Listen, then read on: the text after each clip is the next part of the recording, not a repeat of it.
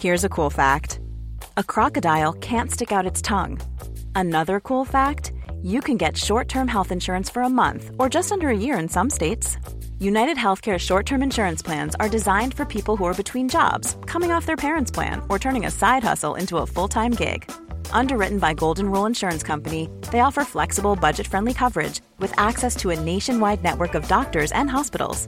Get more cool facts about United Healthcare short term plans at uh1.com. Hey, it's Ryan Reynolds, and I'm here with Keith, co star of my upcoming film, If, only in theaters, May 17th. Do you want to tell people the big news?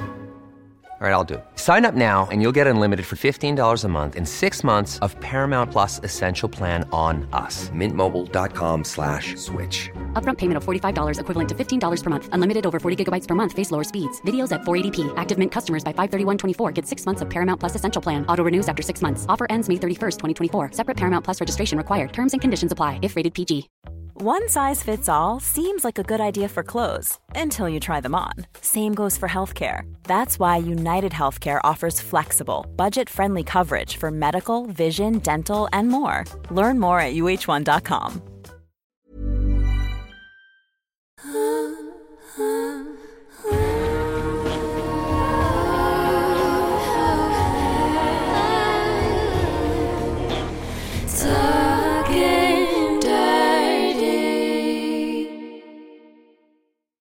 Hej Hanna. Hej Stella. Och hej Tanja. Hej. Idag så har vi med oss en underbar gäst som heter Tanja Suhinina. Och eh, hon ska alldeles strax få presentera sig lite mer vad hon är eller vad hon jobbar med. Vi kommer gå in på ett super, super spännande ämne idag kring smärta och eh, sex. Det här är ju liksom ett personligt ämne för dig också Hanna, känns det som. Ja, ja exakt. Ja, men det här var, det var så fantastiskt när Tanja hörde av sig till mig, för hon hade ju en kurs inom, inom det här ämnet som var liksom klockren och jag bara, åh, det här är perfekt nästa steg för, för min personliga resa och jag vet att det är så många som eh, ja, men, har svårt med det här och kämpar med det här i, eh, i sitt vardagliga liv. Så att det känns som ett sånt viktigt ämne att få lyfta också. Mm. Så vi är super, super taggade och eh, det finns inget bättre än att ha med sig en, nu ska vi se om jag säger rätt här då. Vi har, du är en psykolog, en sexolog Mhm. som både är kink-positiv och du har jobbat supermycket med flersamhet. Ja, det var typ plus minus.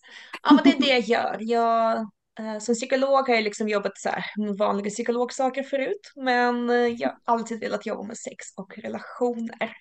Mm. Så det var en ganska rak men lite lång väg dit. Mm. Men eh, det är det jag gör nu. Jag håller kurser, jag vidareutbildar vårdpersonal.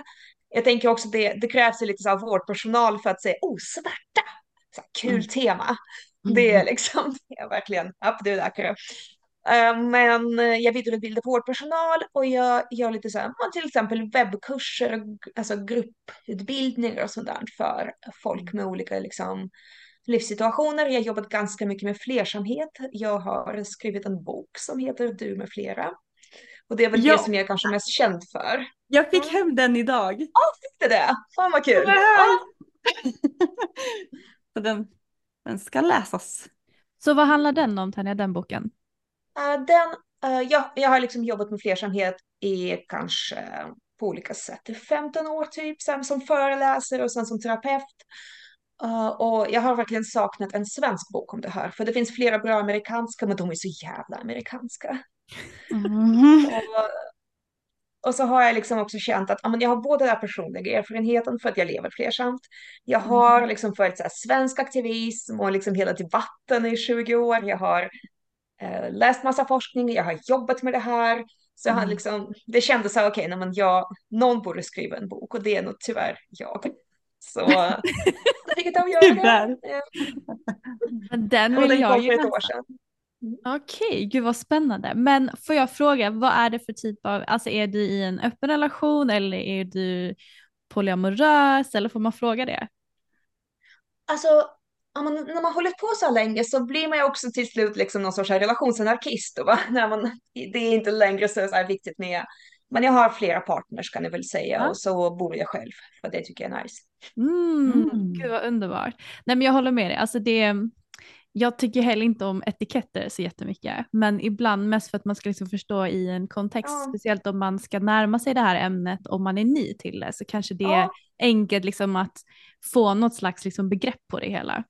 Eh, men vad roligt för att du känner ju säkert då till att Hanna och jag båda också är i öppna relationer, så att eh, det känns ju väldigt aligned att vi ska få prata med dig idag också. Det är jätte, jättespännande. Och ehm, även fast flersamhet är någonting som ligger oss varmt om hjärtat så ska vi ju prata mycket om vulvodyni, eller hur? Det är så man uttalar det. Vulvodyni. Vulva som är yttre delen av fittan. Jag kommer inte säga pussy girl. Det är liksom där. Du kommer inte säga det. Jag klarar inte av riktigt. Alltså du Hanna, vi har faktiskt, jag har fått flera som eh, följer oss av mina vänner som bara varför säger ni pussy hela tiden? Kan ni inte bara säga fitta? Jag bara nej. nej. Ja, Men jag har ju, alltså jag läste ju den här boken Pussy a Reclamation. Eh, shout out till den boken om någon vill läsa den. Och ända sedan jag läste, läste alltså jag har fått sån otroligt underbar relation till det här ordet, pussy.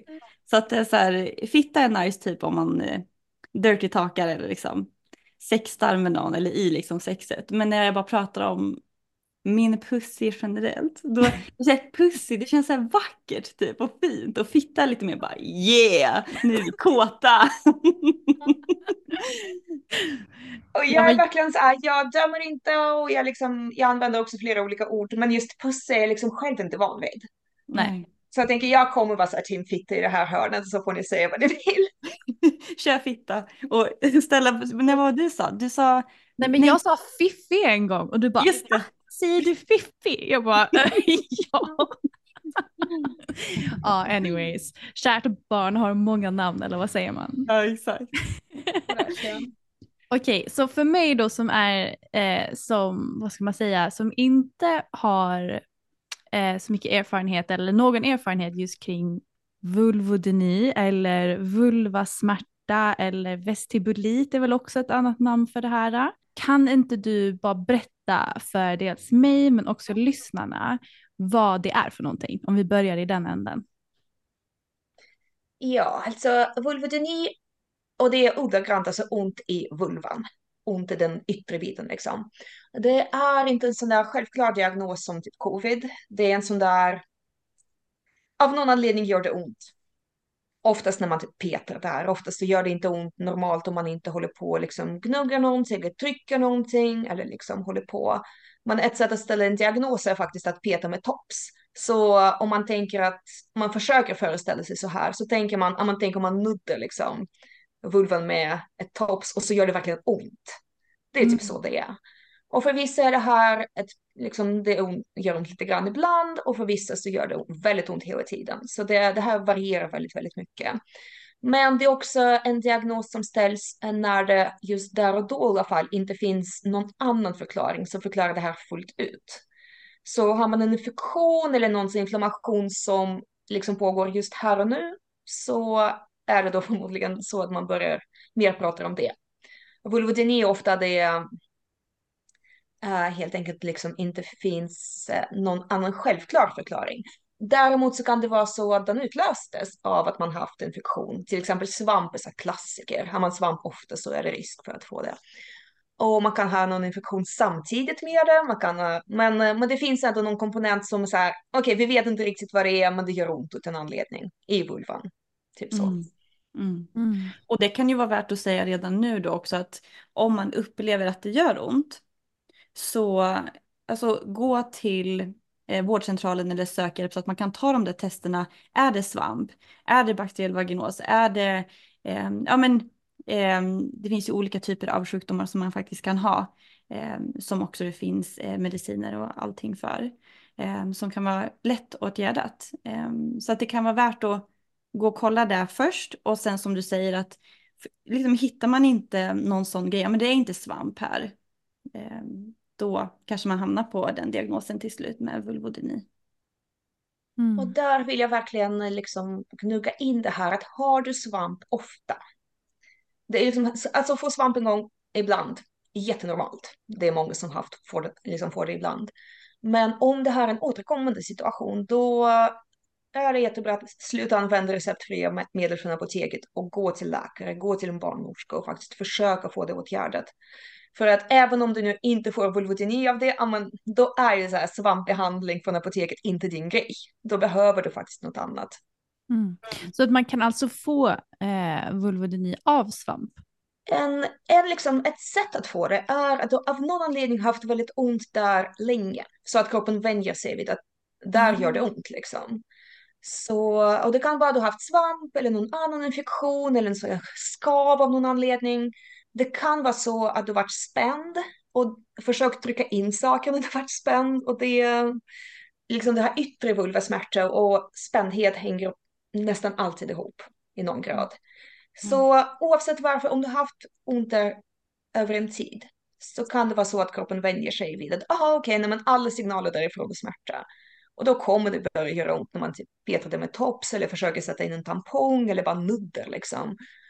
Eller mm. i vissa verkligen jobbiga fall så att bara man blir kåt liksom, om det börjar hända någonting där. Det är verkligen jättejobbigt om det blir så illa. Mm. Så det kan absolut börja bara med en liksom, smärta där det finns en förklaring. Och sen får kroppen för sig att så ska det vara liksom. Mm. Aha, så det är nästan som kroppen liksom programmerar att det ska vara förknippat med smärta på något sätt, eller? Precis, mm. och det kan både liksom vara på en väldigt lokal nivå, så att säga, alltså att det är på den punkten liksom. Eller det kan vara att hela nervsystemet får för sig att allt gör ont. Så det, mm, det finns grader där också. Och, men det är också en ledtråd till en möjlig behandling, till exempel att man över en, under en tid bestämmer att inte ha ont där. Det, det låter ju väldigt liksom enkelt, men det kan vara att man använder en lokal bedövning som xylokain eller sådär och att man slutar göra saker som gör ont, som att använda vissa underkläder, cykla, ha sex på det sättet som gör ont. Man får ha jättemycket annat sex. Så att man vänjer kroppen vid att ah, men det gör inte ont där. Mm. Okej, okay, så att det här kan liksom, det kan försvinna också om man jobbar liksom med att pro, inom situationen programmera bort det liksom och förknippa kroppen med andra sensationer och, och njutning på annat sätt helt enkelt. Ja, men verkligen. Det finns också flera vägar dit som, alltså dels det här med faktiskt lokalbedövning, att bara, nej, men det ska inte göra ont, liksom. Mm. Vi, vi har liksom medel för det. Men också att man tar på sig själv liksom under lugna, fina omständigheter. Alltså, om man är så här vården och väldigt torr, då är det kanske lite smörjövningar. Om man är lite mer ny och kanske lite mer så här rolig så är det kanske lite mer uh, ja, men så här, härlig, rolig kontakt med sig själv, onani eller liksom bara att så här, verkligen få en fin kontakt med sitt underliv och sitta där med en spegel och tycka den är fin liksom. ja, mirror work gillar jag väldigt mycket. Men Hanna, hur, ehm, alltså bara för att liksom så få en förståelse kring hur det började för dig, för du har ju mm. haft mycket smärtor. Mm. Och kände du att det uppenbarade sig direkt liksom i första gången du hade sex eller är det något som har växt fram? Ja, alltså jag har ju försökt reflektera över det här, eh, eller för jag har insett saker i efterhand också. För till en början så, eh, jag skulle säga att jag hade ju inte min, min penetrationssexdebut var ju när jag var typ runt 23 år gammal, något sånt där. Mm. Och första gången då, då gjorde det ont liksom precis där i början, men jag tror att det handlar mer om att jag var kanske nervös eller spänd och liksom eh, med den biten. Och sen för under tiden eh, vi hade sex första gången så släppte ju det Eh, efter början då. Sen så hade vi sex vid ett par tillfällen där det gick ja, men helt bra. Jag är lite osäker på om det liksom smög sig fram, men på något sätt så var det i alla fall efter kanske några veckor eller månader som det gjorde alltid ont precis när kuken skulle in. Alltså precis vid öppningen, då gjorde det ont och precis i början. Och sen så ju mer kåt jag blev eller ju mer vi höll på så blev det bättre. Och sen så gjorde det mer och mer ont för varje gång vi hade sex och till slut så kunde vi inte föra in kuken för att det var så här, ah, det bränner alldeles för mycket, det känns som att det är knivar liksom. Och jag tänkte så här, det är glidmedlet som är fel på och det så här. Men det var ju, det, på ett sätt var det lite så här successivt att det bara byggdes upp mer och mer och mer. Eh, sen så eh, när jag tänker tillbaka så har ju faktiskt, när jag testade någon dildo när jag var liten, så minns jag att det gjorde ont. Och då så ah, det här vill man inte hålla på med. Nej, man ska hålla på med klitoris typ. um, ehm, men eh, jag har lite svårt att veta om det var att det faktiskt var typ vulvodyni eller om det mer var att jag inte hade gjort mig tillräckligt kåt när jag skulle testa att använda en dildo. För tamponger och liksom och sånt där, det har, alltså det har funkat bra. Alltså men det jag börjar ifrågasätta mig själv nu också för det brukar ju ändå så här. Jag brukar försöka ha typ glidmedel på tampongen för att det bränner ju lite om jag trycker in. Och nu bara vänta det där kanske inte är normalt. Så att nu börjar jag såhär, va? ja. Glidmedel på tampongen är så här tips som väldigt många inte kommer på själva. Ah. För det, som jag sa förut, alltså en del av behandlingen är att sluta ha ont i onödan. Och det är ju mm. superbra. Jag tror att många lyssnare kommer vara så här, aha! Och så kommer mm. det liksom mm. redan mensen för ett bra gäng.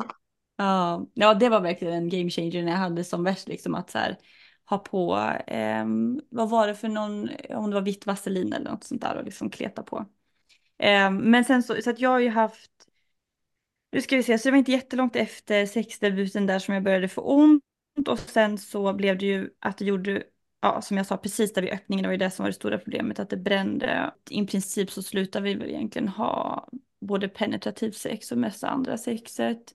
Och sen så efter de här sista åren så har jag ju ni har fokuserat jättemycket på det vi var inne på, det här med njutning, att verkligen ta på sig själv i liksom så lugna former, verkligen bara göra det som eh, känns bra och ja, alla de kurser jag har gått och sådär. Så um, ibland funkar det hur bra som helst med sex, men ibland så kan jag ju vara liksom superkåt men det fortfarande bränner sådär ganska ordentligt när kuken ska in va. Det är min story kan man väl säga, lite kort. Men det känns som att det inte är helt konsekvent. Ibland Nej. utifrån din story, och det kan ju vara ännu mer alltså, påfrestande kan jag tänka mig, att, liksom så här, att man mm. inte riktigt vet hur det ska kännas, att man går omkring liksom i en ovisshet på något sätt. Och det kan ju vara ännu mer psykiskt påfrestande kan jag tänka mig. Eh, mm. Även om du liksom har upp, om du liksom har mött eh, klienter också Tanja, eller om du själv har upplevt det, att det liksom kan vara ganska psykiskt påfrestande att aldrig liksom riktigt veta om jag kommer njuta eller om det kommer göra ont. Ja men verkligen och jag tänker också att det inte är så här förutsägbart med behandling. Att man kan liksom köra någon behandling, bli bra och sen händer någonting och så blir det sämre igen och man kan bli helt förtvivlad över det. Mm. Så också någonstans lära sig att ja, man, det kan gå upp och ner. Och för vissa går det liksom ner och så stannar det, vissa blir helt friska och för andra är det kanske mer en perioder liksom. Mm. Och det, vi har inte en enda behandling som så funkar för alla.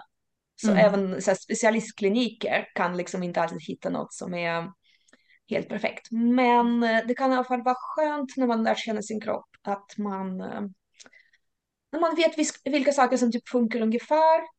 Och så, men det här är bara bredda, vad kan man göra sexuellt? Så att det inte blir att allt hänger på att liksom det, mm. uh, just den delen av kroppen ska funka liksom, utan att det kan vara en grej man så här, saknar. Det kan vara en grej man är sur över att inte kunna göra just nu. Man behöver inte vara så här, nej men det finns annat sex och jag saknar inte det. Man får sakna jättemycket och vara skitsur på det. Mm. Men att man ändå vet att okej, okay, men det är liksom, men då gör jag något annat och det kommer vara hett, det kommer vara kul, det kommer vara romantiskt. För att jag tänker att en del har ju också så här, de tycker att så här, porrigt sex kan vara liksom, uh, kul och det behöver inte ha så vaginal penetration. Man förknippar det med just så här romantiskt sex. Och då kan man mm. också behöva hitta någonting som är väldigt romantiskt och personligt men också inte gör ont. Så att man liksom inte blir utelåst från ett sexliv. Ja, men exakt, men det är det jag tycker är så härligt med dig också. Jag har också kikat på din kurs. Den eh, energin du utstrålar, det du pratar mycket om, det är att vulvasmärta ska inte vara en begränsning egentligen, utan det snarare öppnar upp en dörr till en helt ny värld för andra former av sex. Och när man har liksom smärta så innebär det att man måste bli mer kreativ och det behöver ju inte vara någonting negativt, utan det kan ju snarare vara någonting superpositivt. Mm. Ja, eller bara både och också. Det kan vara negativt för dig, alltså även om man inte saknar det sexet, det är inte kul att ha ont. Nej, Men nej, också klart. jätteroligt. Just ja. för att jag tänker också någonstans att alla förr eller senare kommer få förändringar i kroppen som påverkar sexet. Mm. Så erektionsproblem eller liksom smärtproblem, alltså klimakteriet kan ju verkligen ställa till det uh, någon så höft som hoppar ur led eller alltså vad som helst. Men så här, förr eller senare så kommer man behöva uh, liksom bredda sin meny. Ah. Och en av ah. sakerna vi vet om folk som ligger så här bra i längden är det människor som har liksom en bred så här som man kallar det repertoar om man ah. är HBT-psykolog. Uh, så det är liksom, det är verkligen en så här förutsättning för att kunna ligga kul länge, liksom hela sitt liv. Mm. Och det är, det är väldigt surt att man ibland behöver komma dit genom att få ont och så här, ja. ha problem. Mm. Det, vore jätte, det är jättebra för de som kan komma dit liksom, på andra sätt. Men eh, ibland så är det det som liksom, blir det putten. Till, alltså jag tycker man... det är så kul. Alltså, det, det är verkligen så här.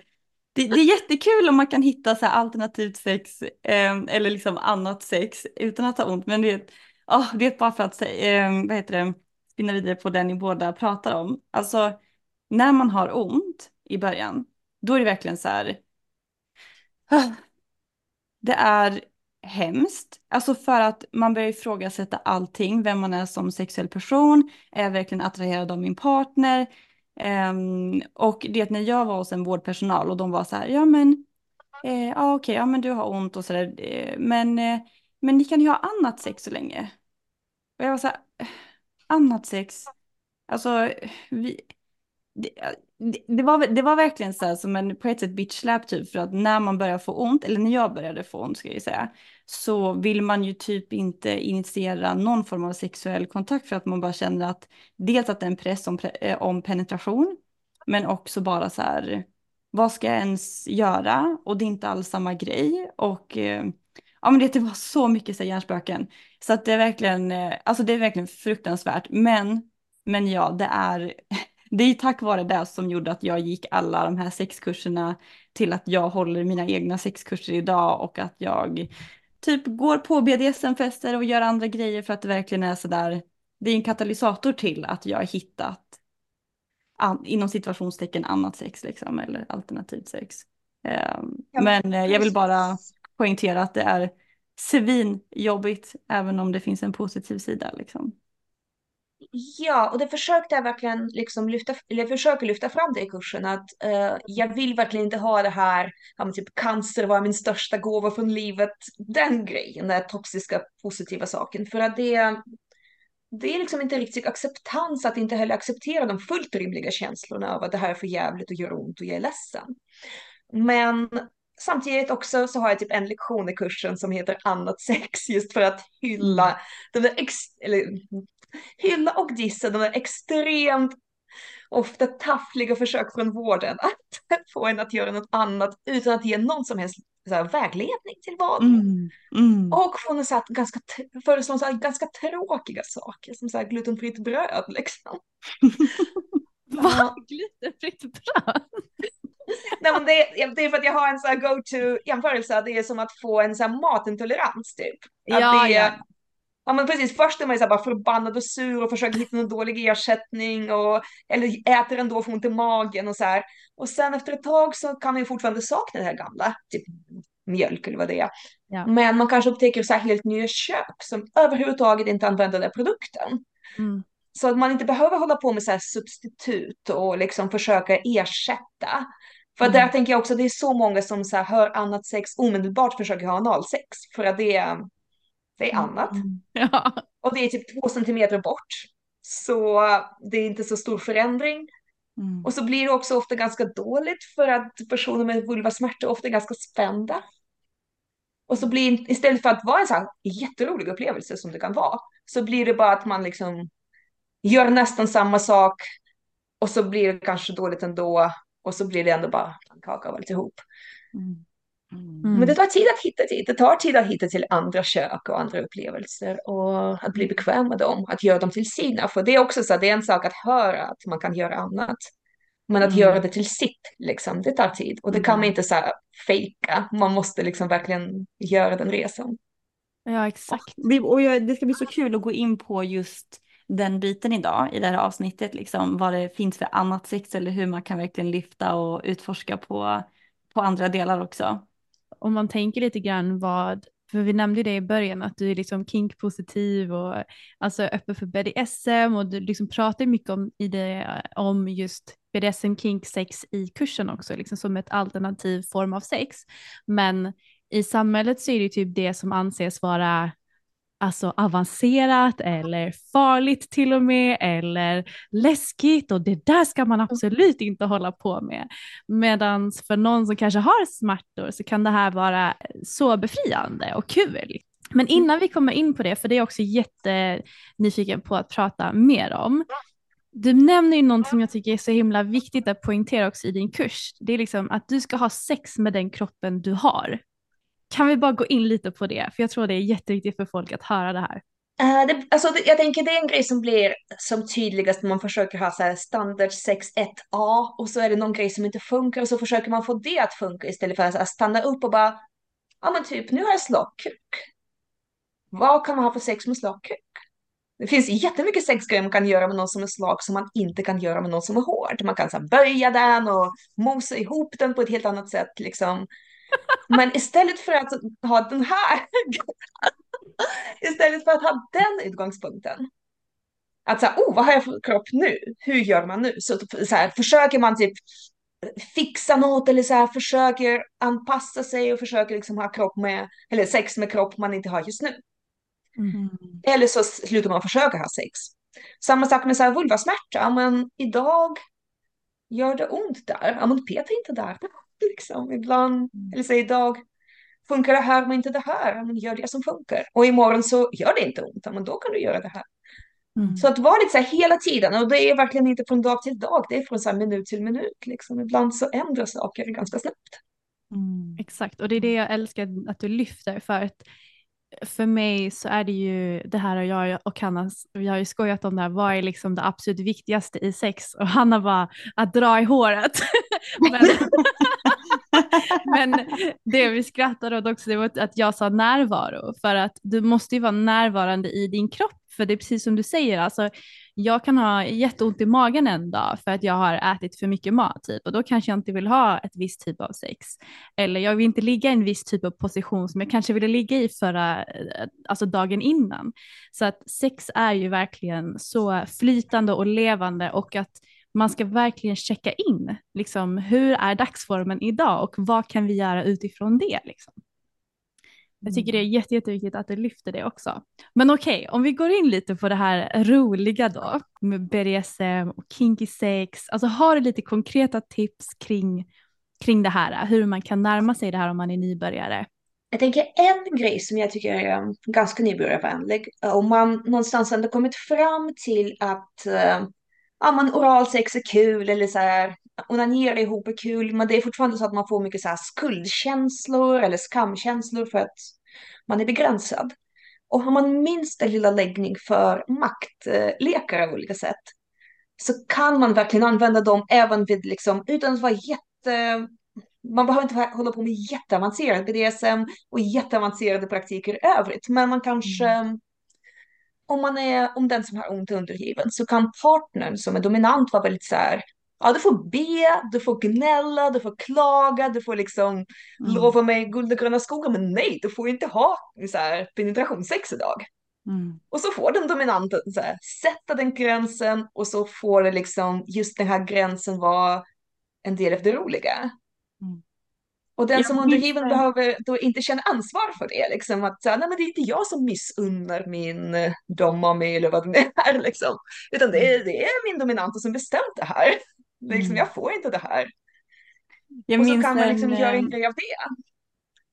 Ja, och jag minns en av de liknelserna som du tog just kring det här. För att man hamnar ju väldigt lätt i både åh, stackars mig, stackars min partner, liksom väldigt mycket så här offermentalitet. Eh, och så drog du något exempel som jag tycker är så, här, så klockrent på hur man verkligen kan göra som en lek av det. Och du, du sa någonting i, i form av att så här, för exempel om jag då skulle ha ont eh, i min pussy, är för mig om det där ordet. Ja men gud, det är din pussy liksom. så skulle jag liksom bara kunna så här, vet du vad, idag får inte du röra min pussy. Eller så här, du får bara klä av mig eh, mina byxor och min tröja och sen får du sitta där medan jag tar på mig själv. Du sa någon sån där, målade ja. upp en bild ja, av att det oh, och det är så horrigt typ. Och det blir verkligen det, det blir inte nej men eh, du får inte röra min puss idag, utan det blir verkligen så här, du får sätta dig där och titta på när jag tar på mig själv. Och att det liksom, man kan bygga upp en helt annan kåthet där man får sexuell njutning, men man behöver liksom inte bli så ett offer för att det inte blir penetration. Ja men precis, det är verkligen inte synd om den som får så här titta på när du tar på dig själv. Det, det säger sig självt liksom. Och där tänker jag väldigt många som haft ont, de är så himla själva liksom fokuserade på smärtan och sina egna, så här, oh idag har jag svamp, igår hade jag mens och allt det här liksom. Så man säger, ah, men hur ska jag berätta för min partner att jag har haft svamp och därför inte kan? Bara, men din partner behöver höra vad du vill göra med din partner. Den behöver inte höra din så här, journal. Den behöver höra, du, jag vill hångla i timmar och sen vill jag, no, no, no, no, ja, och vad mm. den är liksom. Det är mm. jättemycket sexigare än att säga, hej jag har haft svamp. Mm. det är en helt annan ton. Och det mm. tänker jag nästan så här, bara den lilla grejen kan vara en game changer. Att börja berätta vad man vill göra, vad man kan göra. Mm. Så här, checka in och bara, istället för att nej men det här kanske, bara, nej men jag vill göra det här. Och det här, och det här vill jag också göra med dig. Och sen ska jag smeka det så här, liksom. det är en helt mm. annan vibe. Mm. Inte, Hanna, jag vet ju liksom från din Instagram att du verkligen föll för en grej med att det är en stor lyx och privilegium att få ligga med dig.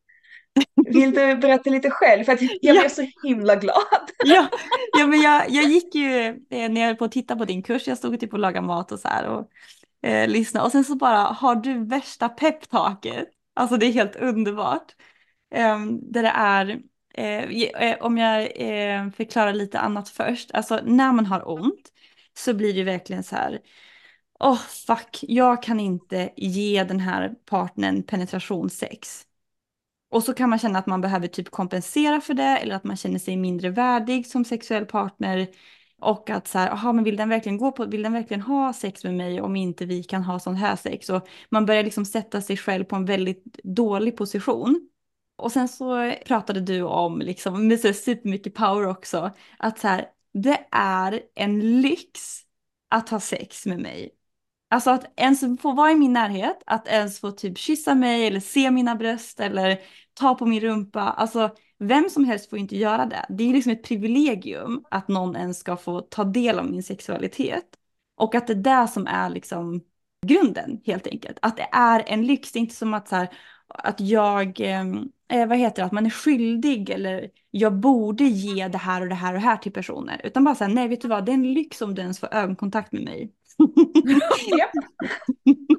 Lite så här kaxigt men, men ändå så här helt underbart. Ja, det är inte det. De allra flesta får inte. Vissa får, som du valt ut, som förtjänar det, som du vill släppa in. Ah. Alltså det var helt underbart. Alltså jag lyssnade på det där, typ, det som du sa typ, så här, flera gånger. Jag bara yes! oh. Nej, men visst är det lite tragiskt? Jag, jag höll, den, jag höll på med det här och snackade om det lite grann och gnuggade in det. För det vet jag alltså, gör så mycket för personer med smärta. Mm. Att uh, gå från det här, ah, men hur ska jag kompensera för att jag inte kan göra det till, alltså vänta lite. Mm. Normaltillståndet är inte för att man inte ens får röra vid mig. Mm. Så, ja, och att man inte Och det är så tragiskt att det känns så kaxigt att tänka så. För det är alltså, mm. som sagt, de allra flesta får inte ens komma nära. Mm. Exakt. Och just den här grejen att man inte kommer från eh, en plats av så här, åh förlåt, förlåt, utan mer så här, jag vill ha dig, jag vill kyssa dig och jag vill att du tar på mina bröst och sen säger är vi klara?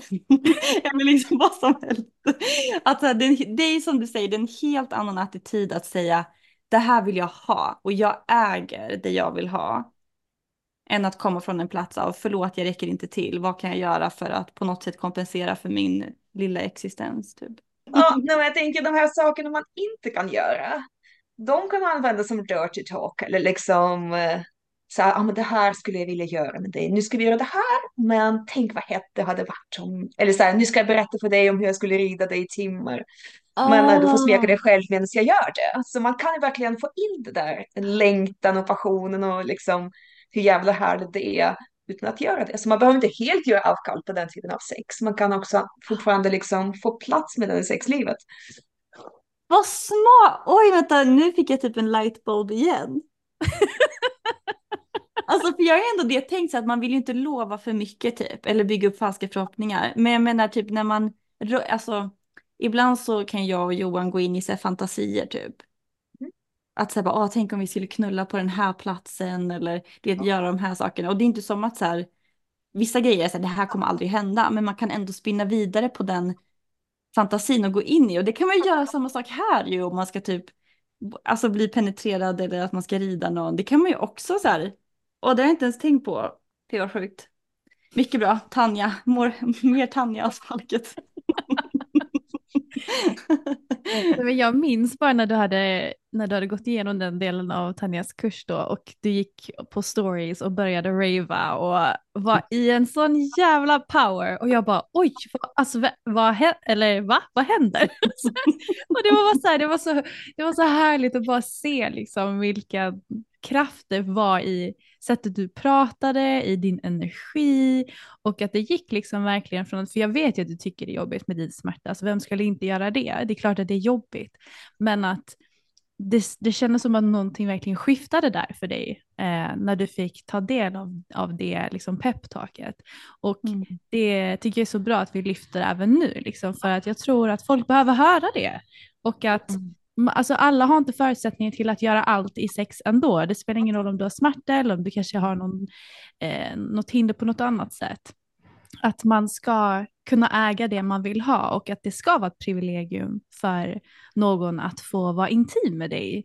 Och att man inte ska behöva, som du sa Tanja, ses alltså, som kaxig bara för att man säger det, utan mer liksom att nej men jag är värd det här, jag är också värd eh, att njuta och jag väljer vem som får ta del av det.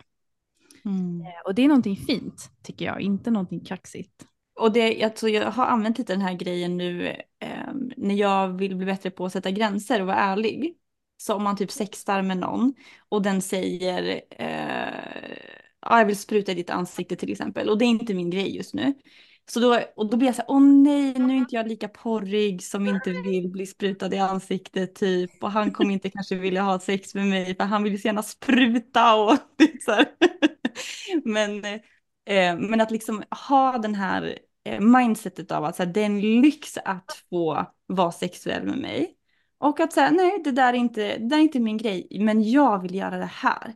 Att man verkligen så här, oavsett om det handlar om penetration eller om det handlar om sperma överallt eller liksom vad det än är som man inte kan eller som man inte vill göra. Att komma från en ståndpunkt av att så här, det är en lyx att ens få vara i min närhet. Så att det du får, bara allt det du får är ett privilegium. Mm. Jag känner mig verkligen som en sån dominatrix som bara så här, Men det här, det här känns som att det går också i linje med din kurs, Hanna, med big pussy energy. ja, exakt. Ja, exakt. Och det är, verkligen, det är verkligen den energin som alltså jag vill förmedla typ i mina kurser också. Att det verkligen ska vara så här big pussy energy. Det är en lyx och du ska bara så här fucking äga din kropp typ. Mm. Så att det var underbart att höra Tanja köra en sån peptalk till mig. Jag bara fuck yeah! för att jag gjorde något så här helt fredligt och så vet, lägger ifrån mobilen, kom tillbaka och bara typ massa stories nämner dig, vad har hänt? Så okej, okay, du går på så här, vad heter rampage om liksom. Att det faktiskt är en lyx att ligga med, man bara, ja! Det är så kul, Tanja blir så taggad i så här nio stories där jag säger att det är en lyx att ligga med mig. Jag bara, Tanja! det, det är lyx att ligga med alla som lyssnar på det här. Det är inte normalt, det är inget som folk ska förvänta sig. Det är inte liksom, grunden är in, inte få röra vid dig i princip. Inte få någon sexuell kontakt, det är baseline. Allt över det är bonus. Mm. Jag hade en så här vidare spin på det här med sperma i ansiktet faktiskt. Jaha, okej. Okay. Kör, fortsätt med sperma i ansiktet. Ja, ja men jag tänker så här, uh, att vi har en liten tendens att och det här kommer att vara väldigt liksom användbart för er som lyssnar och har ont till exempel. Att um, vi har en tendens att, som samhälle alltså, att förväxla liksom så här, vad ska man säga, wholesome sex som så här, samhället omhulder liksom. Som är, nu visar jag, men, uh, alltså snoppesnipper liksom, den typen av sex. Och, och liksom förväxla det, det är fint omhuldat med det är ofarligt och liksom så här mm. fult, kinky, porrigt sex som farligt. Mm. Och det vi behöver lära oss är liksom att lite, Alltså sluta blanda ihop det. För att jag porr One size fits all seems like a good idea for clothes until you try them on. Same goes for healthcare. That's why United Healthcare offers flexible, budget friendly coverage for medical, vision, dental, and more. Learn more at uh1.com. There's never been a faster or easier way to start your weight loss journey than with PlushCare. PlushCare accepts most insurance plans and gives you online access to board-certified physicians who can prescribe FDA-approved weight loss medications like Wigovi and Zepbound for those who qualify. Take charge of your health and speak with a board-certified physician about a weight loss plan that's right for you. Get started today at plushcare.com slash weight loss. That's plushcare.com slash weight loss. plushcare.com slash weight loss. kinky sex. Men typ spruta på folk som eh, anses som vara så här porrgrej, ni vet, så här, man pratar om typ ungdomar som gör sånt där, så här, ejekulerar överallt minsann. Det är typ bland minst farliga man kan göra. Mm. Det är extremt, extremt liksom eh, farlighetsmässigt snäll grej. Medan att spruta i en fitta, även en fitta som så mår bra och allt det här liksom, det är, alltså, det är ändå liksom påverkar pH och allt sånt där liksom. Så det är, det är inte så här jätteneutralt. Mm. Och här kommer ni tyvärr, eller eh, tvärtom, få höra på min så här rant om att penisens sex är världens farligaste sex. För det tänker jag, om man fattar det så blir det mycket, mycket lättare att syssla med annat sen. Mm. Och jag tänker att några av de som lyssnar på er jobbar också med andra människor kan vara bra påminnelser. Nej men det är liksom, vi behandlar det som standardsexet och då har vi liksom byggt en hel samhällsinfrastruktur för att göra det ofarligt. Vi har fri abort, vi har uh, förlossningshjälp och så speciella sjukhus för det. Vi har, subventionerar preventivmedel. Uh, vi liksom, och förutom graviditet som gör det här liksom extra farligt så finns det också massa infektionsrisker med det, liksom jämfört med typ oralsex till exempel. Det är ganska ofarligt sådär. Uh, man kan få väldigt mycket av de riskfaktorerna för att få smärta under livet kommer från just att det här sexet anses som ofarligt. Men man får ju så svamp, man uh, kanske biter ihop och kör på fast man har ont för att ah, men det här är det fina sexet liksom. Men mm. i och med att vi behandlar det här som så himla fint så uh, hamnar folket till slut att ha så här ont för att de uh, man liksom inte lärt sig att tänka på det här som något farligt. Och om man går till läkaren och säger hej, jag har liksom ont i snippan, jag, det gör ont att ha sex, så kommer liksom i idealfall så här, hela vårdsystemet aktiveras och så drar man in liksom så här vulva-team och så ska man liksom uh, sluta ha ont. Men kommer man till läkaren och säger så här, hej, uh, det gör ont när jag har analsex. Då kommer de inte dra in så analteam och hjälpa en att ha analsex utan smärta. Då kommer de säga så här, gå hem och typ, jag vet inte, gör något annat. Mm. Oj, det är så tänk... Ja, och det är, fast det är förmodligen typ samma anledning att man är spänd i bäckenbotten. Mm. Mm. Och det är jättebra att vi lägger ner så enorma resurser på att eh, liksom göra det här sexet mindre farligt. Men Mm. någonstans så glömmer vi liksom bort att det fortfarande är det. och, eh, och samtidigt så glömmer vi bort att alla de här alternativa grejerna som så här kinky eller så här läskiga, många av dem är mycket mindre farliga.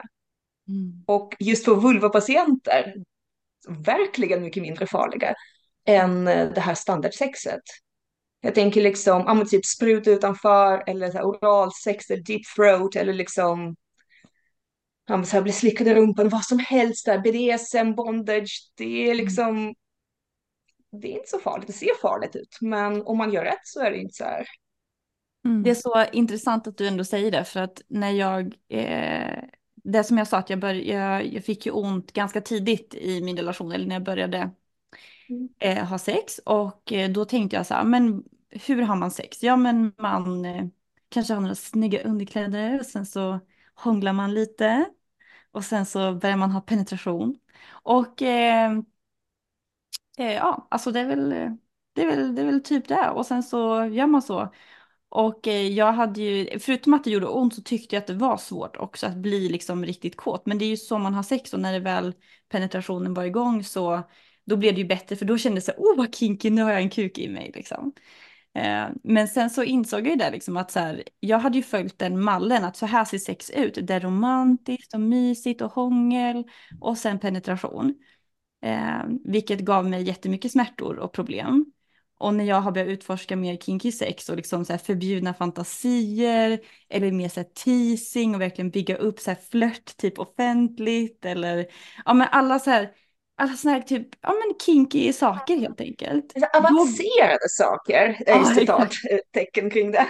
Exakt, ja men så här, det som ändå benämns lite så här inom situationstecken avancerat. Alltså mm. det har ju gjort mig så mycket kåtare och gjort att jag inte alls haft lika ont.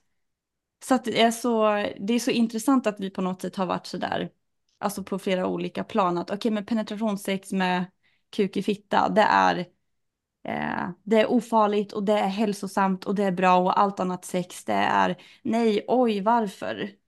Men mm. det kan liksom vara det här snälla, gulliga, vanliga penetrationssexet som orsakar jättemycket problem. Med, oh, typ på det här med pH-balansen, alltså om någon sprutar i en, alltså och så får man pH-rubbning, alltså det, det är så hemskt.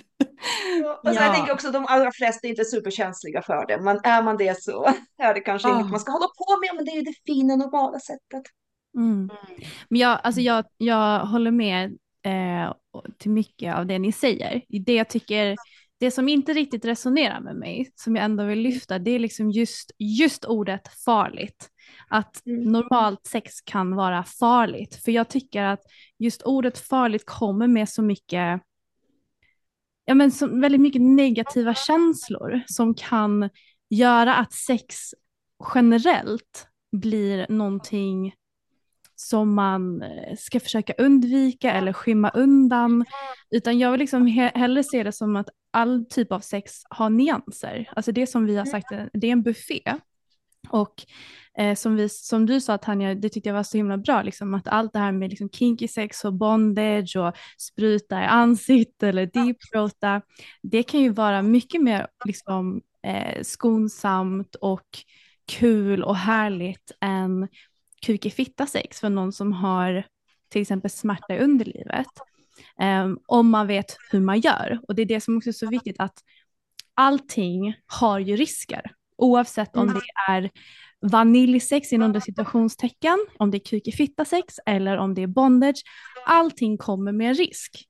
Och det man måste vara är, man måste skapa en slags medvetenhet kring det man håller på med oavsett vad det är för typ av sex. Men det är liksom det enda som jag typ jag känner att min kropp, typ, jag får lite kontraktion, är just runt ordet farligt. För jag tycker liksom det finns redan så mycket negativa känslor kring sex generellt.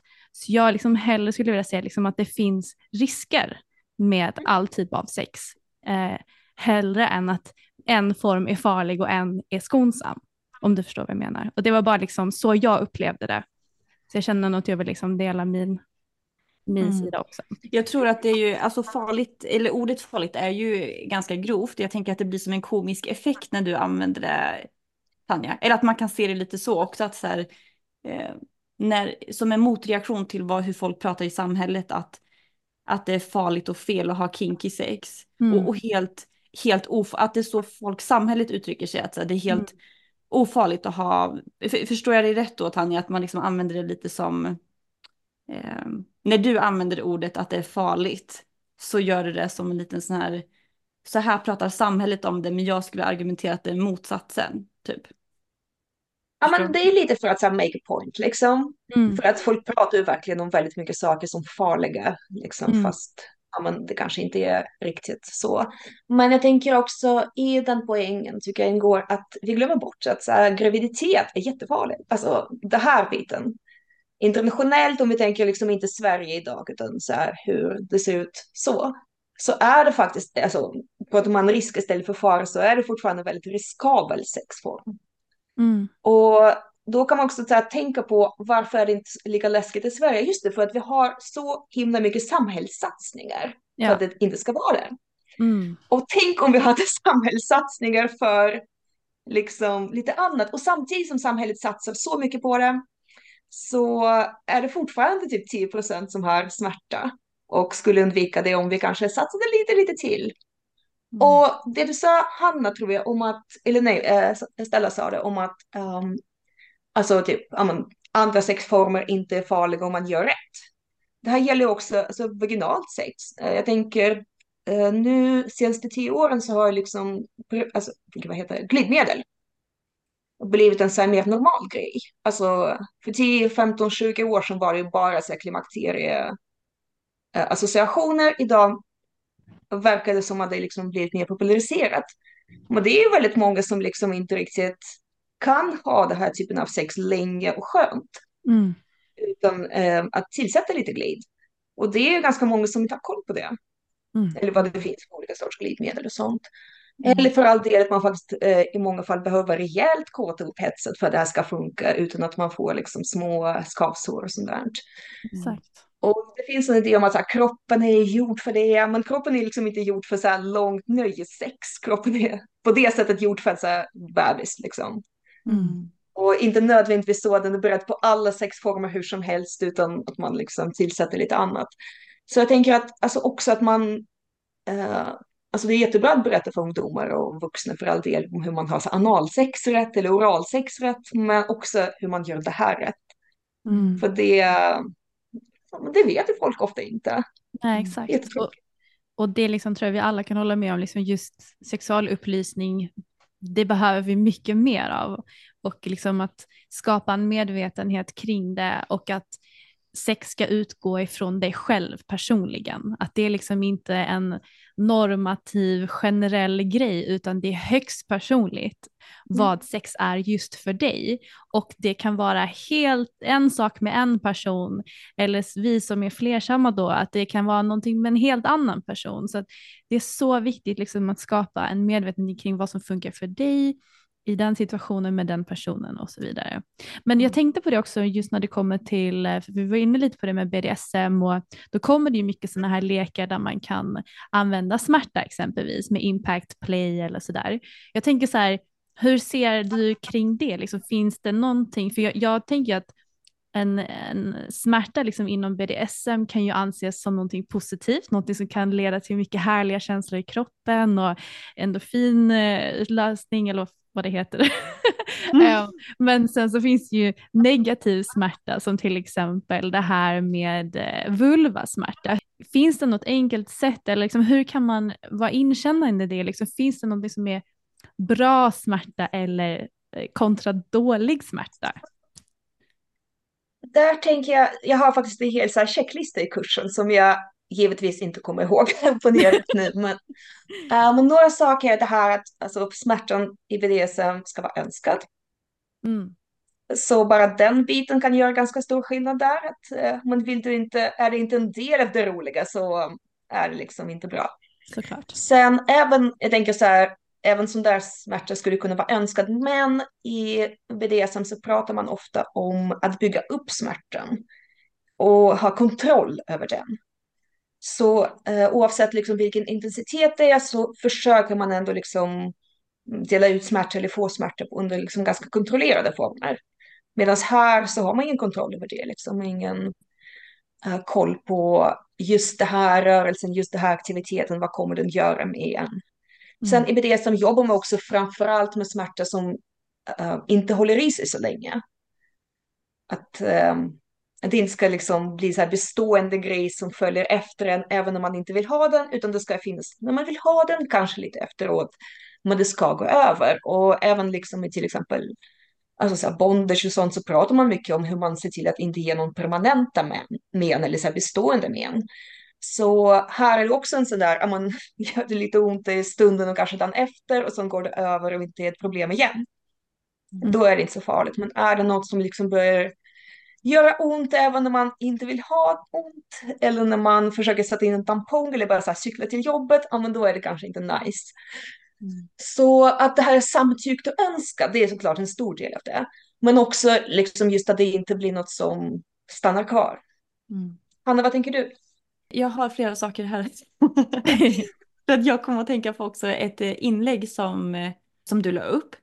Och, men, men först så eh, tänkte jag bara svara på det det som du sa nu, att det är ju väldigt stor skillnad på om man är ute efter att få den här kicken av så här, åh, nu vill jag ha liksom starka sensationer och det ska vara så där, eh, eh, det mindsetet man har kring att framkalla smärta med slag till exempel, att liksom bli spankad till exempel på rumpan. Då har man liksom så här, åh, nu är jag redo, nu ska vi bygga upp det här. Och då blir det helt annorlunda om jag förväntar mig att åh, nu ska kuken glida in och sen så blir det som att åh, nu tog det stopp. Och nu bränner det. Nej, jaha, och så var det inte det man förväntar sig, att det blir som en... Oh, det är exakt så som du säger, liksom önskad smärta eller inte, att man har en helt annan inställning. Men eh, det, som är, det som har hjälpt mig lite grann, det är faktiskt det är ändå att försöka för med en del av det är ju såklart att inte göra sånt som gör ont. Men också, det var det här inlägget jag tänkte vill komma till som du la upp Tanja, med att eh, för man kan bli rädd för all smärta och att man vill undvika smärta i liksom eh, möjligaste mån. Och det jag minns, eller jag tog till mig från ditt inlägg där var ju så här att, men vi använder ju faktiskt smärta i tempel BDSM och impact play.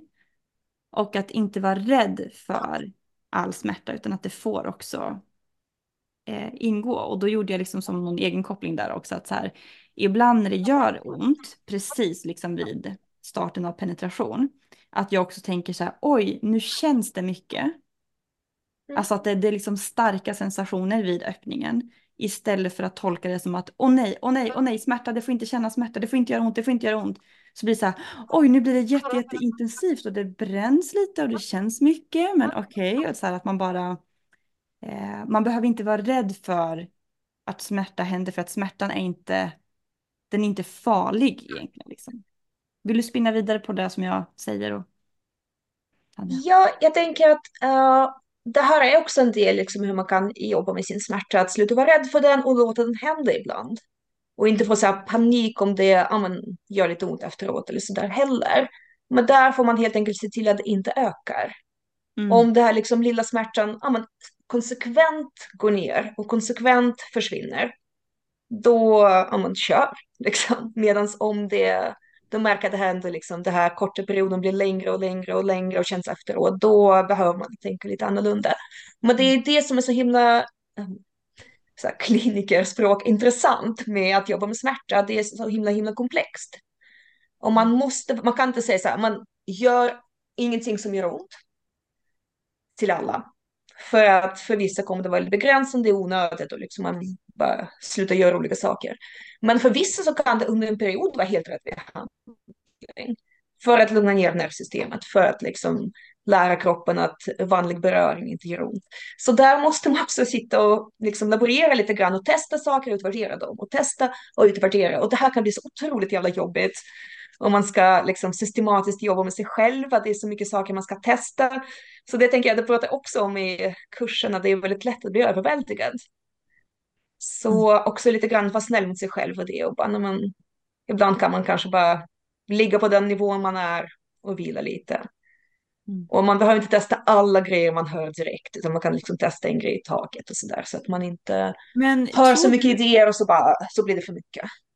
Tror du att eh, om man till exempel om man har vulvasmärta, eh, tror du att den kan bli mindre eller lättare att hantera om man börjar utöva typ spanking och testa med sådana? För att man typ börjar, lära, alltså, eh, eller förstår du vad jag menar? Att så här, okay, men om, eh, för nu, jag har ju varit så här, jag vill inte hålla på med spanking eller sånt för att det är smärta och jag vill undvika smärta i sex för jag har haft för mycket smärta. Eh, men sen så en del av mig också så här, okej okay, men om jag skulle typ lära mig att bygga upp smärta på ett kontrollerat sätt på min rumpa så kanske jag har mm. lättare att acceptera smärtan i min fitta. Eller? Vad, vad, vad, vad tror du när jag säger så? Så här, jag tänker om, och det här, nu pratar vi liksom väldigt så här breda tips, men om man har, man märker att liksom hela kroppen börjar få oförklarligt ont att man börjar närma sig något som liknar fibromyalgi eller liksom den typen av, alltså hel, hela, liksom hela kroppen är så överkänslig mot smärta. Då tror jag att man kanske kan vara lite försiktig med det där. Om det är framförallt på liksom fittan eller liksom på någon särskild plats. Då tror jag det generellt sett är rätt bra att åtminstone liksom fundera på om man har någon relation till smärta som inte direkt är negativ. För att har man liksom ont smärtproblematik så tänker man så ah, men vadå, smärta kan inte vara, man kan inte se det som något annat än dåligt. Men det är jättemånga människor som gillar att här, äta stark mat. Det är jättemånga som älskar att träna jättehårt, liksom göra andra saker som gör ont. Så man kanske kan till och med börja där och fundera på, ah, men det här gör ont, men jag tycker om det. Hmm, liksom. Eh, så här, i svak och allt det där. Och så kan man kanske också faktiskt testa att alltså, tillfoga sig smärta och se om man kan vara nyfiken på det istället för rädd.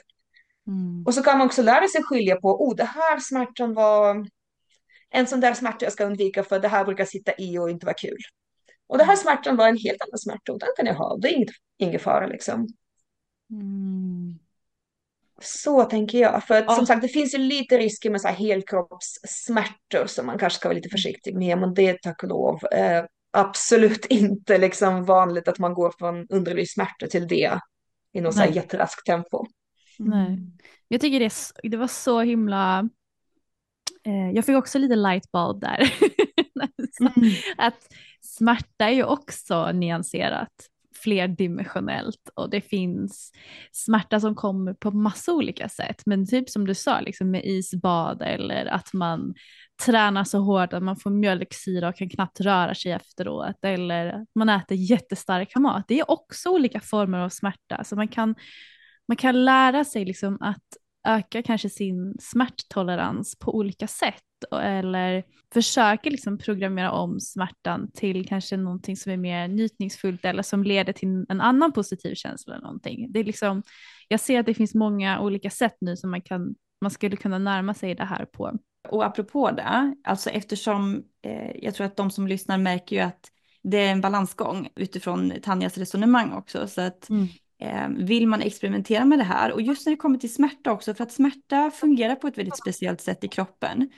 Det, det är så värt att ta hjälp av någon som förstår hur fungerar smärta. När ska man backa? När ska man pusha? Och typ ta hjälp av någon som Tanja till exempel. Som både är kinkpositiv och supersmart och utbildad. Eh, men som faktiskt förstår att så här, okej, men nu har du haft en sån här smärta. Nu kanske det är dags att tänka på ett annat sätt. Eller nej, men låt oss testa den här smärtan. Det här kanske får igång dig. Alltså så att det är ju ett, ett utforskande som kan vara så kul att göra, men kanske viktigt också att ta hjälp om man är ny och vill navigera rätt i det här. Mycket bra, som vi Mycket. brukar säga Hanna. Mycket bra. Men ska vi inte, eh, har vi något mer typ tips? För nu har vi snackat lite grann om det här med maktspel. Att så här, man kan verkligen äga det man vill göra och dirty talka, både så här, fantisera om det man, ja men till exempel eh, dirty taka genom att fantisera om penetration utan att utföra penetration. Eh, så, Åh, jag ska rida dig eller jag ska göra de här grejerna och så får man leka med den fantasin. Eh, eller att man bara dirty talkar eller eh, kör något maktspel med att nu får du bara titta på när jag tar på mig själv eller du ska göra det här eller att man liksom på något sätt blir väldigt aktiv i sexet. Vad har vi mer för tips kring annat eller alternativt sex? Vill ni fylla på? Tänker en av mina, och det är, om ni sett hela kursen så har ni sett mig hålla på med liksom en, eh, lite sexleksaker och demonstrera lite teknikgrejer. Och det är väl ungefär så spicy jag kan vara offentligt. Men, eh, men jag tänkte det var viktigt att faktiskt ge lite konkreta tekniker och liksom både tänk kring det men också um, faktiskt, ja men det här kan du testa, det här kan du testa och så. Eh, vi har en tendens att uh, om man utgår lite grann från det här, om man penis ska in i vagina, liksom den grejen. Och när vi ska göra annat sex försöker vi säga, ah, hur kan vi emulera det här på bästa sätt? Istället för att tänka på, ah, om man, okej, eh, okej, vi har en kuk.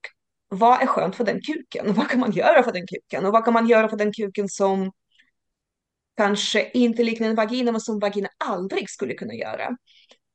Och till exempel just vara väldigt specifik på lite olika delar och liksom ha, variera mellan hård beröring och lätt beröring. Och det är liksom allt det här kan ju liksom en fitta inte göra, den är inte byggd på det sättet. Så uh, en lek eller liksom ett tips jag, um, jag har i kursen och som jag tycker är väldigt bra om man liksom vill öppna upp för det här annat sex även om man inte har ont.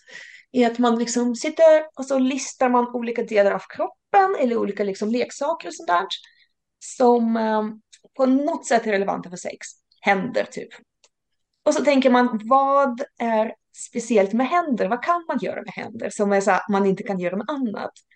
Och det är till exempel man har så otroligt fin känsel. Och både liksom, ja, men man känner så här olika texturer, man kan verkligen känna jättemycket mer med händer än man kan med kuk så här, till exempel. Och att man kan ha där finmotoriken i dem, att händer kan liksom både så här smeka väldigt lätt. Ni som ser videon, ni märker att jag så här visar. ni andra får bara lyssna. Man, man kan smeka väldigt fjäderlätt och man kan liksom slå och man kan krama. Och det, allt det här är så här fantastiska grejer som händer kan göra som en fitta inte kan göra.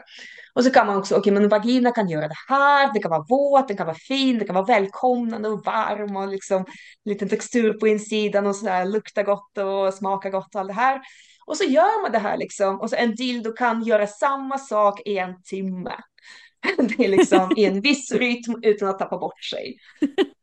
Och så gör man det här för liksom sånt som man tycker är så relevant för eh, sex och drar in alla sinnen som så smak och doft och allt. Mm. Och så märks det ganska snabbt att när man, nej, man kan ju inte ersätta en fitta liksom. Går, den har sina grejer. Men man kan inte ersätta händer, man kan inte ersätta mun, man kan inte ersätta näsor som känner dofter.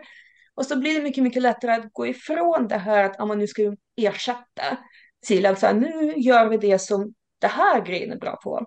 Nu gör vi det som det här grejen är bra på. Mm. Och det tänker jag är en game changer verkligen. Att mm. börja gå från det istället för så substituttänk. Mm. Gud vad bra. Att det är saker som tillför istället för som tar mm. ifrån. Mm. Jätte, ja. Och då behöver man inte heller hålla på så här, nej men jag saknar inte det här sexet. Man får bara så här, det här är väldigt speciellt för den typen av sex. Mm. Det kan man sakna, det kan man liksom verkligen längta till. Men det, det är verkligen en stjärna på så här hela stjärnhimlen av alla andra möjliga grejer. Mm. Verk, gud vad bra. Ja, alltså det bara dök upp en fråga nu när du pratade Tanja. Alltså kan, alltså nu har vi pratat mycket om vulvasmärta, men kan kukar också ha smärta? Ja, eh, där vet jag inte riktigt om kanske Hanna också har lite koll, men ja, det finns eh, smärtproblematik för liksom alltså kuk eller pung eller liksom hela det paketet. Mm. Men eh, och det kan ibland vara så här väldigt ty tydligt vad det är som orsakar det, ibland vara lite oklart och sådär. Men det är faktiskt ganska underbeforskat och mm. det är en grej som är väldigt svår att få hjälp för. Um, för att uh, och på, så här, det kan vara svårt att få hjälp för vulvasmärta också, men på ett annat sätt. Liksom. Men det här är det liksom, det finns inte så mycket kunskap om det. Jag minns typ Hanna, när du och Johan, jag tror det var när ni berättade om er, hur ni öppnade upp er relation, att typ Johan nämnde det att han också fick ont. Mm. Hans mm. sträng. Ja. Ah, okay. Strängen gjorde ont. Mm. Så ja, han fick liksom det är en klassiker. Och sådär. Mm, det, är en, det är en klassiker, så mm. stereotypisk.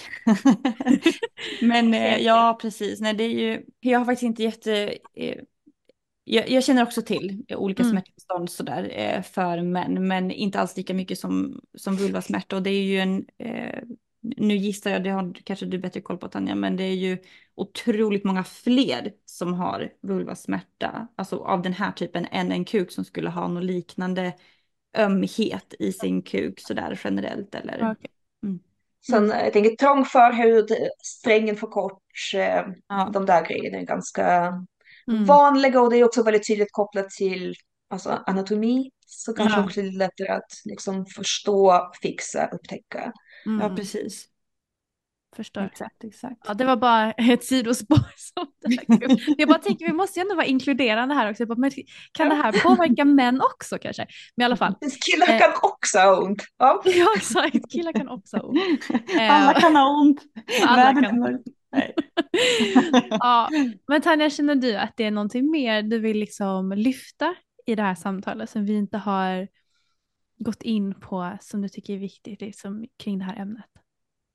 Nej, men jag känner att jag har hållit alla mina brandtal och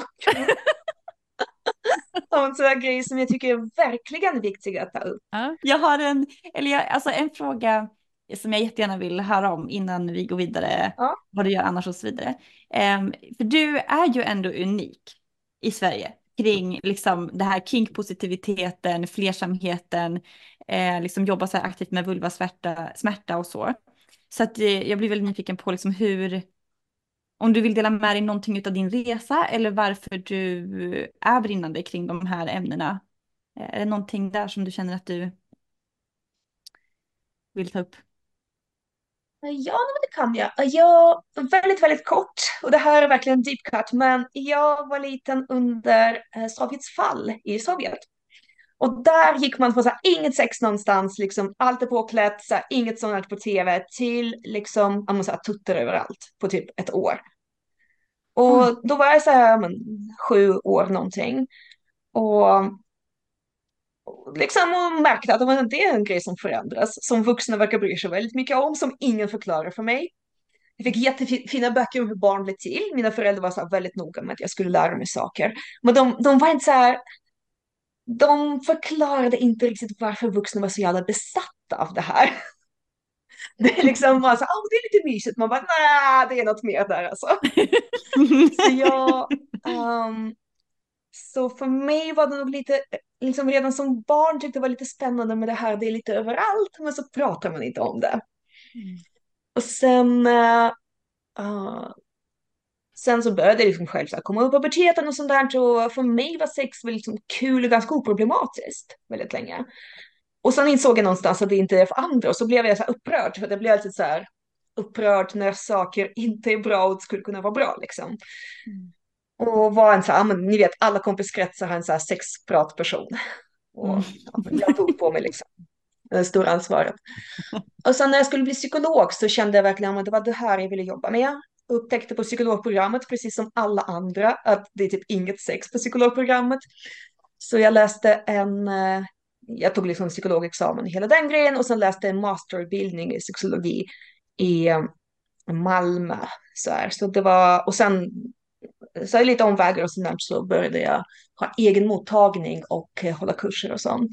Mm. Och jag har nog alltid liksom uh, försökt att balansera någon sorts så här, professionalitet. Jag kan ju väldigt mycket, liksom läser på, jag så här, håller på med det här. Men jag tycker också att man ibland kan slå över och vara så här professionell och så blir man ganska så här tråkig. Mm. Och liksom pratar om sex väldigt vagt och att liksom, om vad konkret om sex känns, upplevs av vissa som oprofessionellt. Mm. Och det har jag verkligen försökt liksom inte hålla på med. Jag försöker vara väldigt um, konkret, tydlig och faktiskt här, göra sex sexigt och kul och inte bara lite så här, ja men indirekt och torrt, men ni vet hur det kan vara. Uh, så jag är nog liksom, förutom att jag har de här utbildningarna också kanske lite mer dras och det här handgripliga och visa på en dildo liksom. Eh, det finns fler som gör så, men jag tycker att eh, psykologer har en tendens att kanske vara lite så här mer vaga. Mm. Um, så det var väl det, var det. Och så har jag just med vulvasmärta så har jag haft liksom lite egna erfarenheter av det, så jag skrev en masteruppsats på eh, psykologprogrammet om det. Och just om eh, vulvasmärta som, och det har vi inte pratat om idag, det är också ett eget ämne. Att man pratar om det som sexproblem och inte som en så här, smärtproblematik som typ pajar hela livet för vissa. Att man får så här, sömnproblem och kan inte ha vissa plagg på sig. Och, alltså, mm. Det kan verkligen vara, sexet funkar, men typ gå till jobbet när jag måste ha mina varselbyxor, det är svårt. Mm. Um, så jag skrev en uppsats om det och sen har jag också varit flersam hela livet, eller hela vuxenlivet i princip. Så det har väl också varit en grej som jag till, till att börja med kanske lite motvilligt drogs med i liksom som psykolog. Men nu har jag väldigt mycket så här flersamma patienter och uh, håller just på att uh, skriva klart manuset för en kurs, så där webbkurs som det här då för par som ska öppna upp. Så just mm. specifikt för, inte så här solopoly, inte individer, utan just det här när man är ett par och så ska man liksom börja leva öppet på något sätt. Oh. Så det är vad jag tänker på hela dagarna just nu. Så vanliga små fällor och grejer man kan göra och sånt. Alltså det där tänker typ alla våra lyssnare på hela tiden, för vi får typ, vi bombas av sådana meddelanden. Hur gör man? Hur öppnar man upp? Oh. Ja, ja, alltså senast nu i veckan fick jag en som skrev till mig, en killkompis som jag har känt sedan gymnasiet. Han bara, ja, ja tjejen, eh, alltså vi funderar på att öppna upp, kan inte vi få träffa er på en fika och Exakt. fråga hur ni har gjort? Alltså, liksom. Jag vet inte hur många så här fika-förfrågningar man har fått. Alltså vi också så här, kan inte vi ta en fika? Jag bara, ja. Det blir många Oh, det här, era flersamma kompisar kanske inte vill vara er stora källa och frågecentral är absolut med i den här kursen. Ja, så att, inte kommer eh, svara på frågor mitt i natten. Men det här tycker jag är så bra för att eh, det är liksom speciellt jag och min kille, vi hade varit ihop i åtta år innan vi öppnade upp liksom. Så att det, eh, det finns ju många olika sätt att närma sig. Bara jag, jag och Hanna har ju öppnat upp på helt olika sätt. Så att Mm. även fast man tänker ja, en öppen relation är en öppen relation så ser Mm. alla öppna relationer väldigt olika ut och hur man öppnar upp är väldigt olika också. Så att Så om man jobbar med flersamma, som jag, så träffar ju bara folk när det går dåligt. Mm. Och då bygger man upp det här energin, så hade ni bara fått några enkla råd så ja. Så nu, den kommer eh, 31 januari, eh, inte januari, 31 december kommer den, så när det är sen så har den kommit. För att jag tänkte att ni som så vill börja nyåret med eh, någon sorts så här nyårslöfte om öppenhet, då ska man liksom ha det här istället för Ivanhoe. Jag tror det är många som, som säkert kommer älska den kursen. Och eh, för er som eh, vill gå några av Tanjas kurser, för hon har ju Vul- vulvodyniskolan heter den va, den ena kursen. Och sen den här då hur man öppnar upp relationer. Ni har ju rabattkod som Tanja snällt har givit våra lyssnare. Så om ni uppger Dirty Talk med stora bokstäver så får ni faktiskt 40% rabatt på alla Tanjas kurser. Så att passa på nu va hörni. Och om jag ska bara liksom bara lägga till en liten grej till rabatten så kan jag också Ja. säga att det här Hulvodyni-kursen, hela, hela kursen är 24 lektioner, 9 timmar, allt från så här hur du ringer 1177 och frågar liksom, för det behövs för vissa till liksom, ja, men hur runkar du av nå? Så här, hela, hela spektrat. Men det finns faktiskt i bara sex version. Så om man känner att så här, jag orkar inte ha den här vårdgrejen, det har jag, jag behöver komma igång, Mm. så kan man bara köpa en del. Åh vad bra. Mm. Mycket bra. Hur länge gäller den här rabattkoden? Eh, till och med 14 februari. Tänkte det var alla bra hjärtans datum. dag! Mm. Mm. Nej men gud vad 50%. underbart. Ja, nej, men jag kommer fortsätta min mottagning och den heter Eros och psyke. Det är en av sakerna jag är mest stolt över i hela världen att jag kom på det namnet. Så eh, om man känner att man behöver en terapeut, jag jobbar med liksom enskilda, jag jobbar med konstellationer, par och sådär. Eh, jag finns i centrala Stockholm och jag finns också online för att folk söker verkligen från hela Sverige. Mm. Så det kan man ta en titt på. Vi kommer ju länka till allt helt enkelt så att ni enkelt hittar till Tanjas kurser och böcker och mottagning och allting. Vi måste säga en sak till. Ja. Det är en fucking lyx att ligga med dig. Inte bara dig Stella, Ja. utan alla här ute. Kan inte sägas nog verkligen. Eller som jag Alla repeterar nu. att tänka på det. Det är en lyx att ligga med mig. Alla repeat after us. Oj, oj, oj. Ja, på Ah, bussen, nej. på pendeltåget, i kön till Ica, där ni lyssnar på det här. Viska till universum, det är en lyx att ligga med mig. Alltså kan jag tänka dig om det fanns sådana posters på stan. Istället Ja. för typ posters för Ipren så var det posters för så här. Ah. Det är lyx att ligga Mm. med mig. Gud vad Alltså härligt. nu vet jag vill ha en, t- alltså, jag vill ha en t-shirt. Där det står det är en lyx att ligga med. Alltså, Men vi har ju snackat om att vi ska göra merch någon gång. Så vi ja det ska definitivt vara en av våra merch alltså. Fantastiskt. Jag tänker också vilken conversation starter. Vad Ja. står det här? Och bara, va? Ja. Men Tanja, tack snälla för att du har varit med. Det har varit helt fantastiskt att prata med dig. Och vilka Mm. insikter du har gett mig och även Hanna vet jag. Många lightbulb moments. Så jätte, jättetacksam att du var med. Och tack för att jag fick komma. Det var jätteroligt att prata om. Tänker också att det här är ett svårt, jobbigt ämne, men det var ett jätteroligt samtal. Mm. Ja, Du verkligen. rockar det, du rockar det. Ni är så fina. Ja. Jag blir så... Ja, Men eh, tack snälla alla ni som har lyssnat på det här avsnittet. Jag hoppas att ni tyckte om det lika mycket som vi gjorde. vi ses om en vecka. Det gör vi. Puss och kram. Puss och kram. Hey,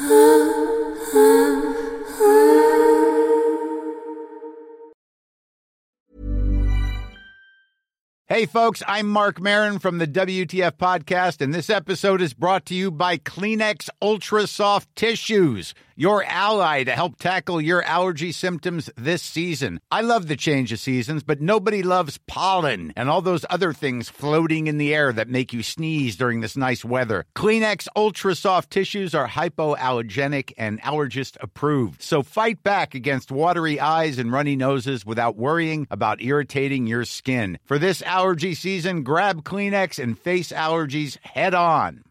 Imagine the softest sheets you've ever felt. Now imagine them getting even softer over time. That's what you'll feel with Bowl and Branch's organic cotton sheets. In a recent customer survey, 96% replied that Bowl and Branch sheets get softer with every wash. Start getting your best night's sleep in these sheets that get softer and softer for years to come. Try their sheets with a 30-night guarantee. Plus, get 15% off your first order at bowlandbranch.com. Code BUTTERY. Exclusions apply. See site for details. Planning for your next trip? Elevate your travel style with Quince. Quince has all the jet setting essentials you'll want for your next getaway, like European linen, premium luggage options, buttery soft Italian leather bags, and so much more. And is all priced at 50 to 80% less than similar brands. Plus, Quince only works with factories that use safe and ethical manufacturing practices.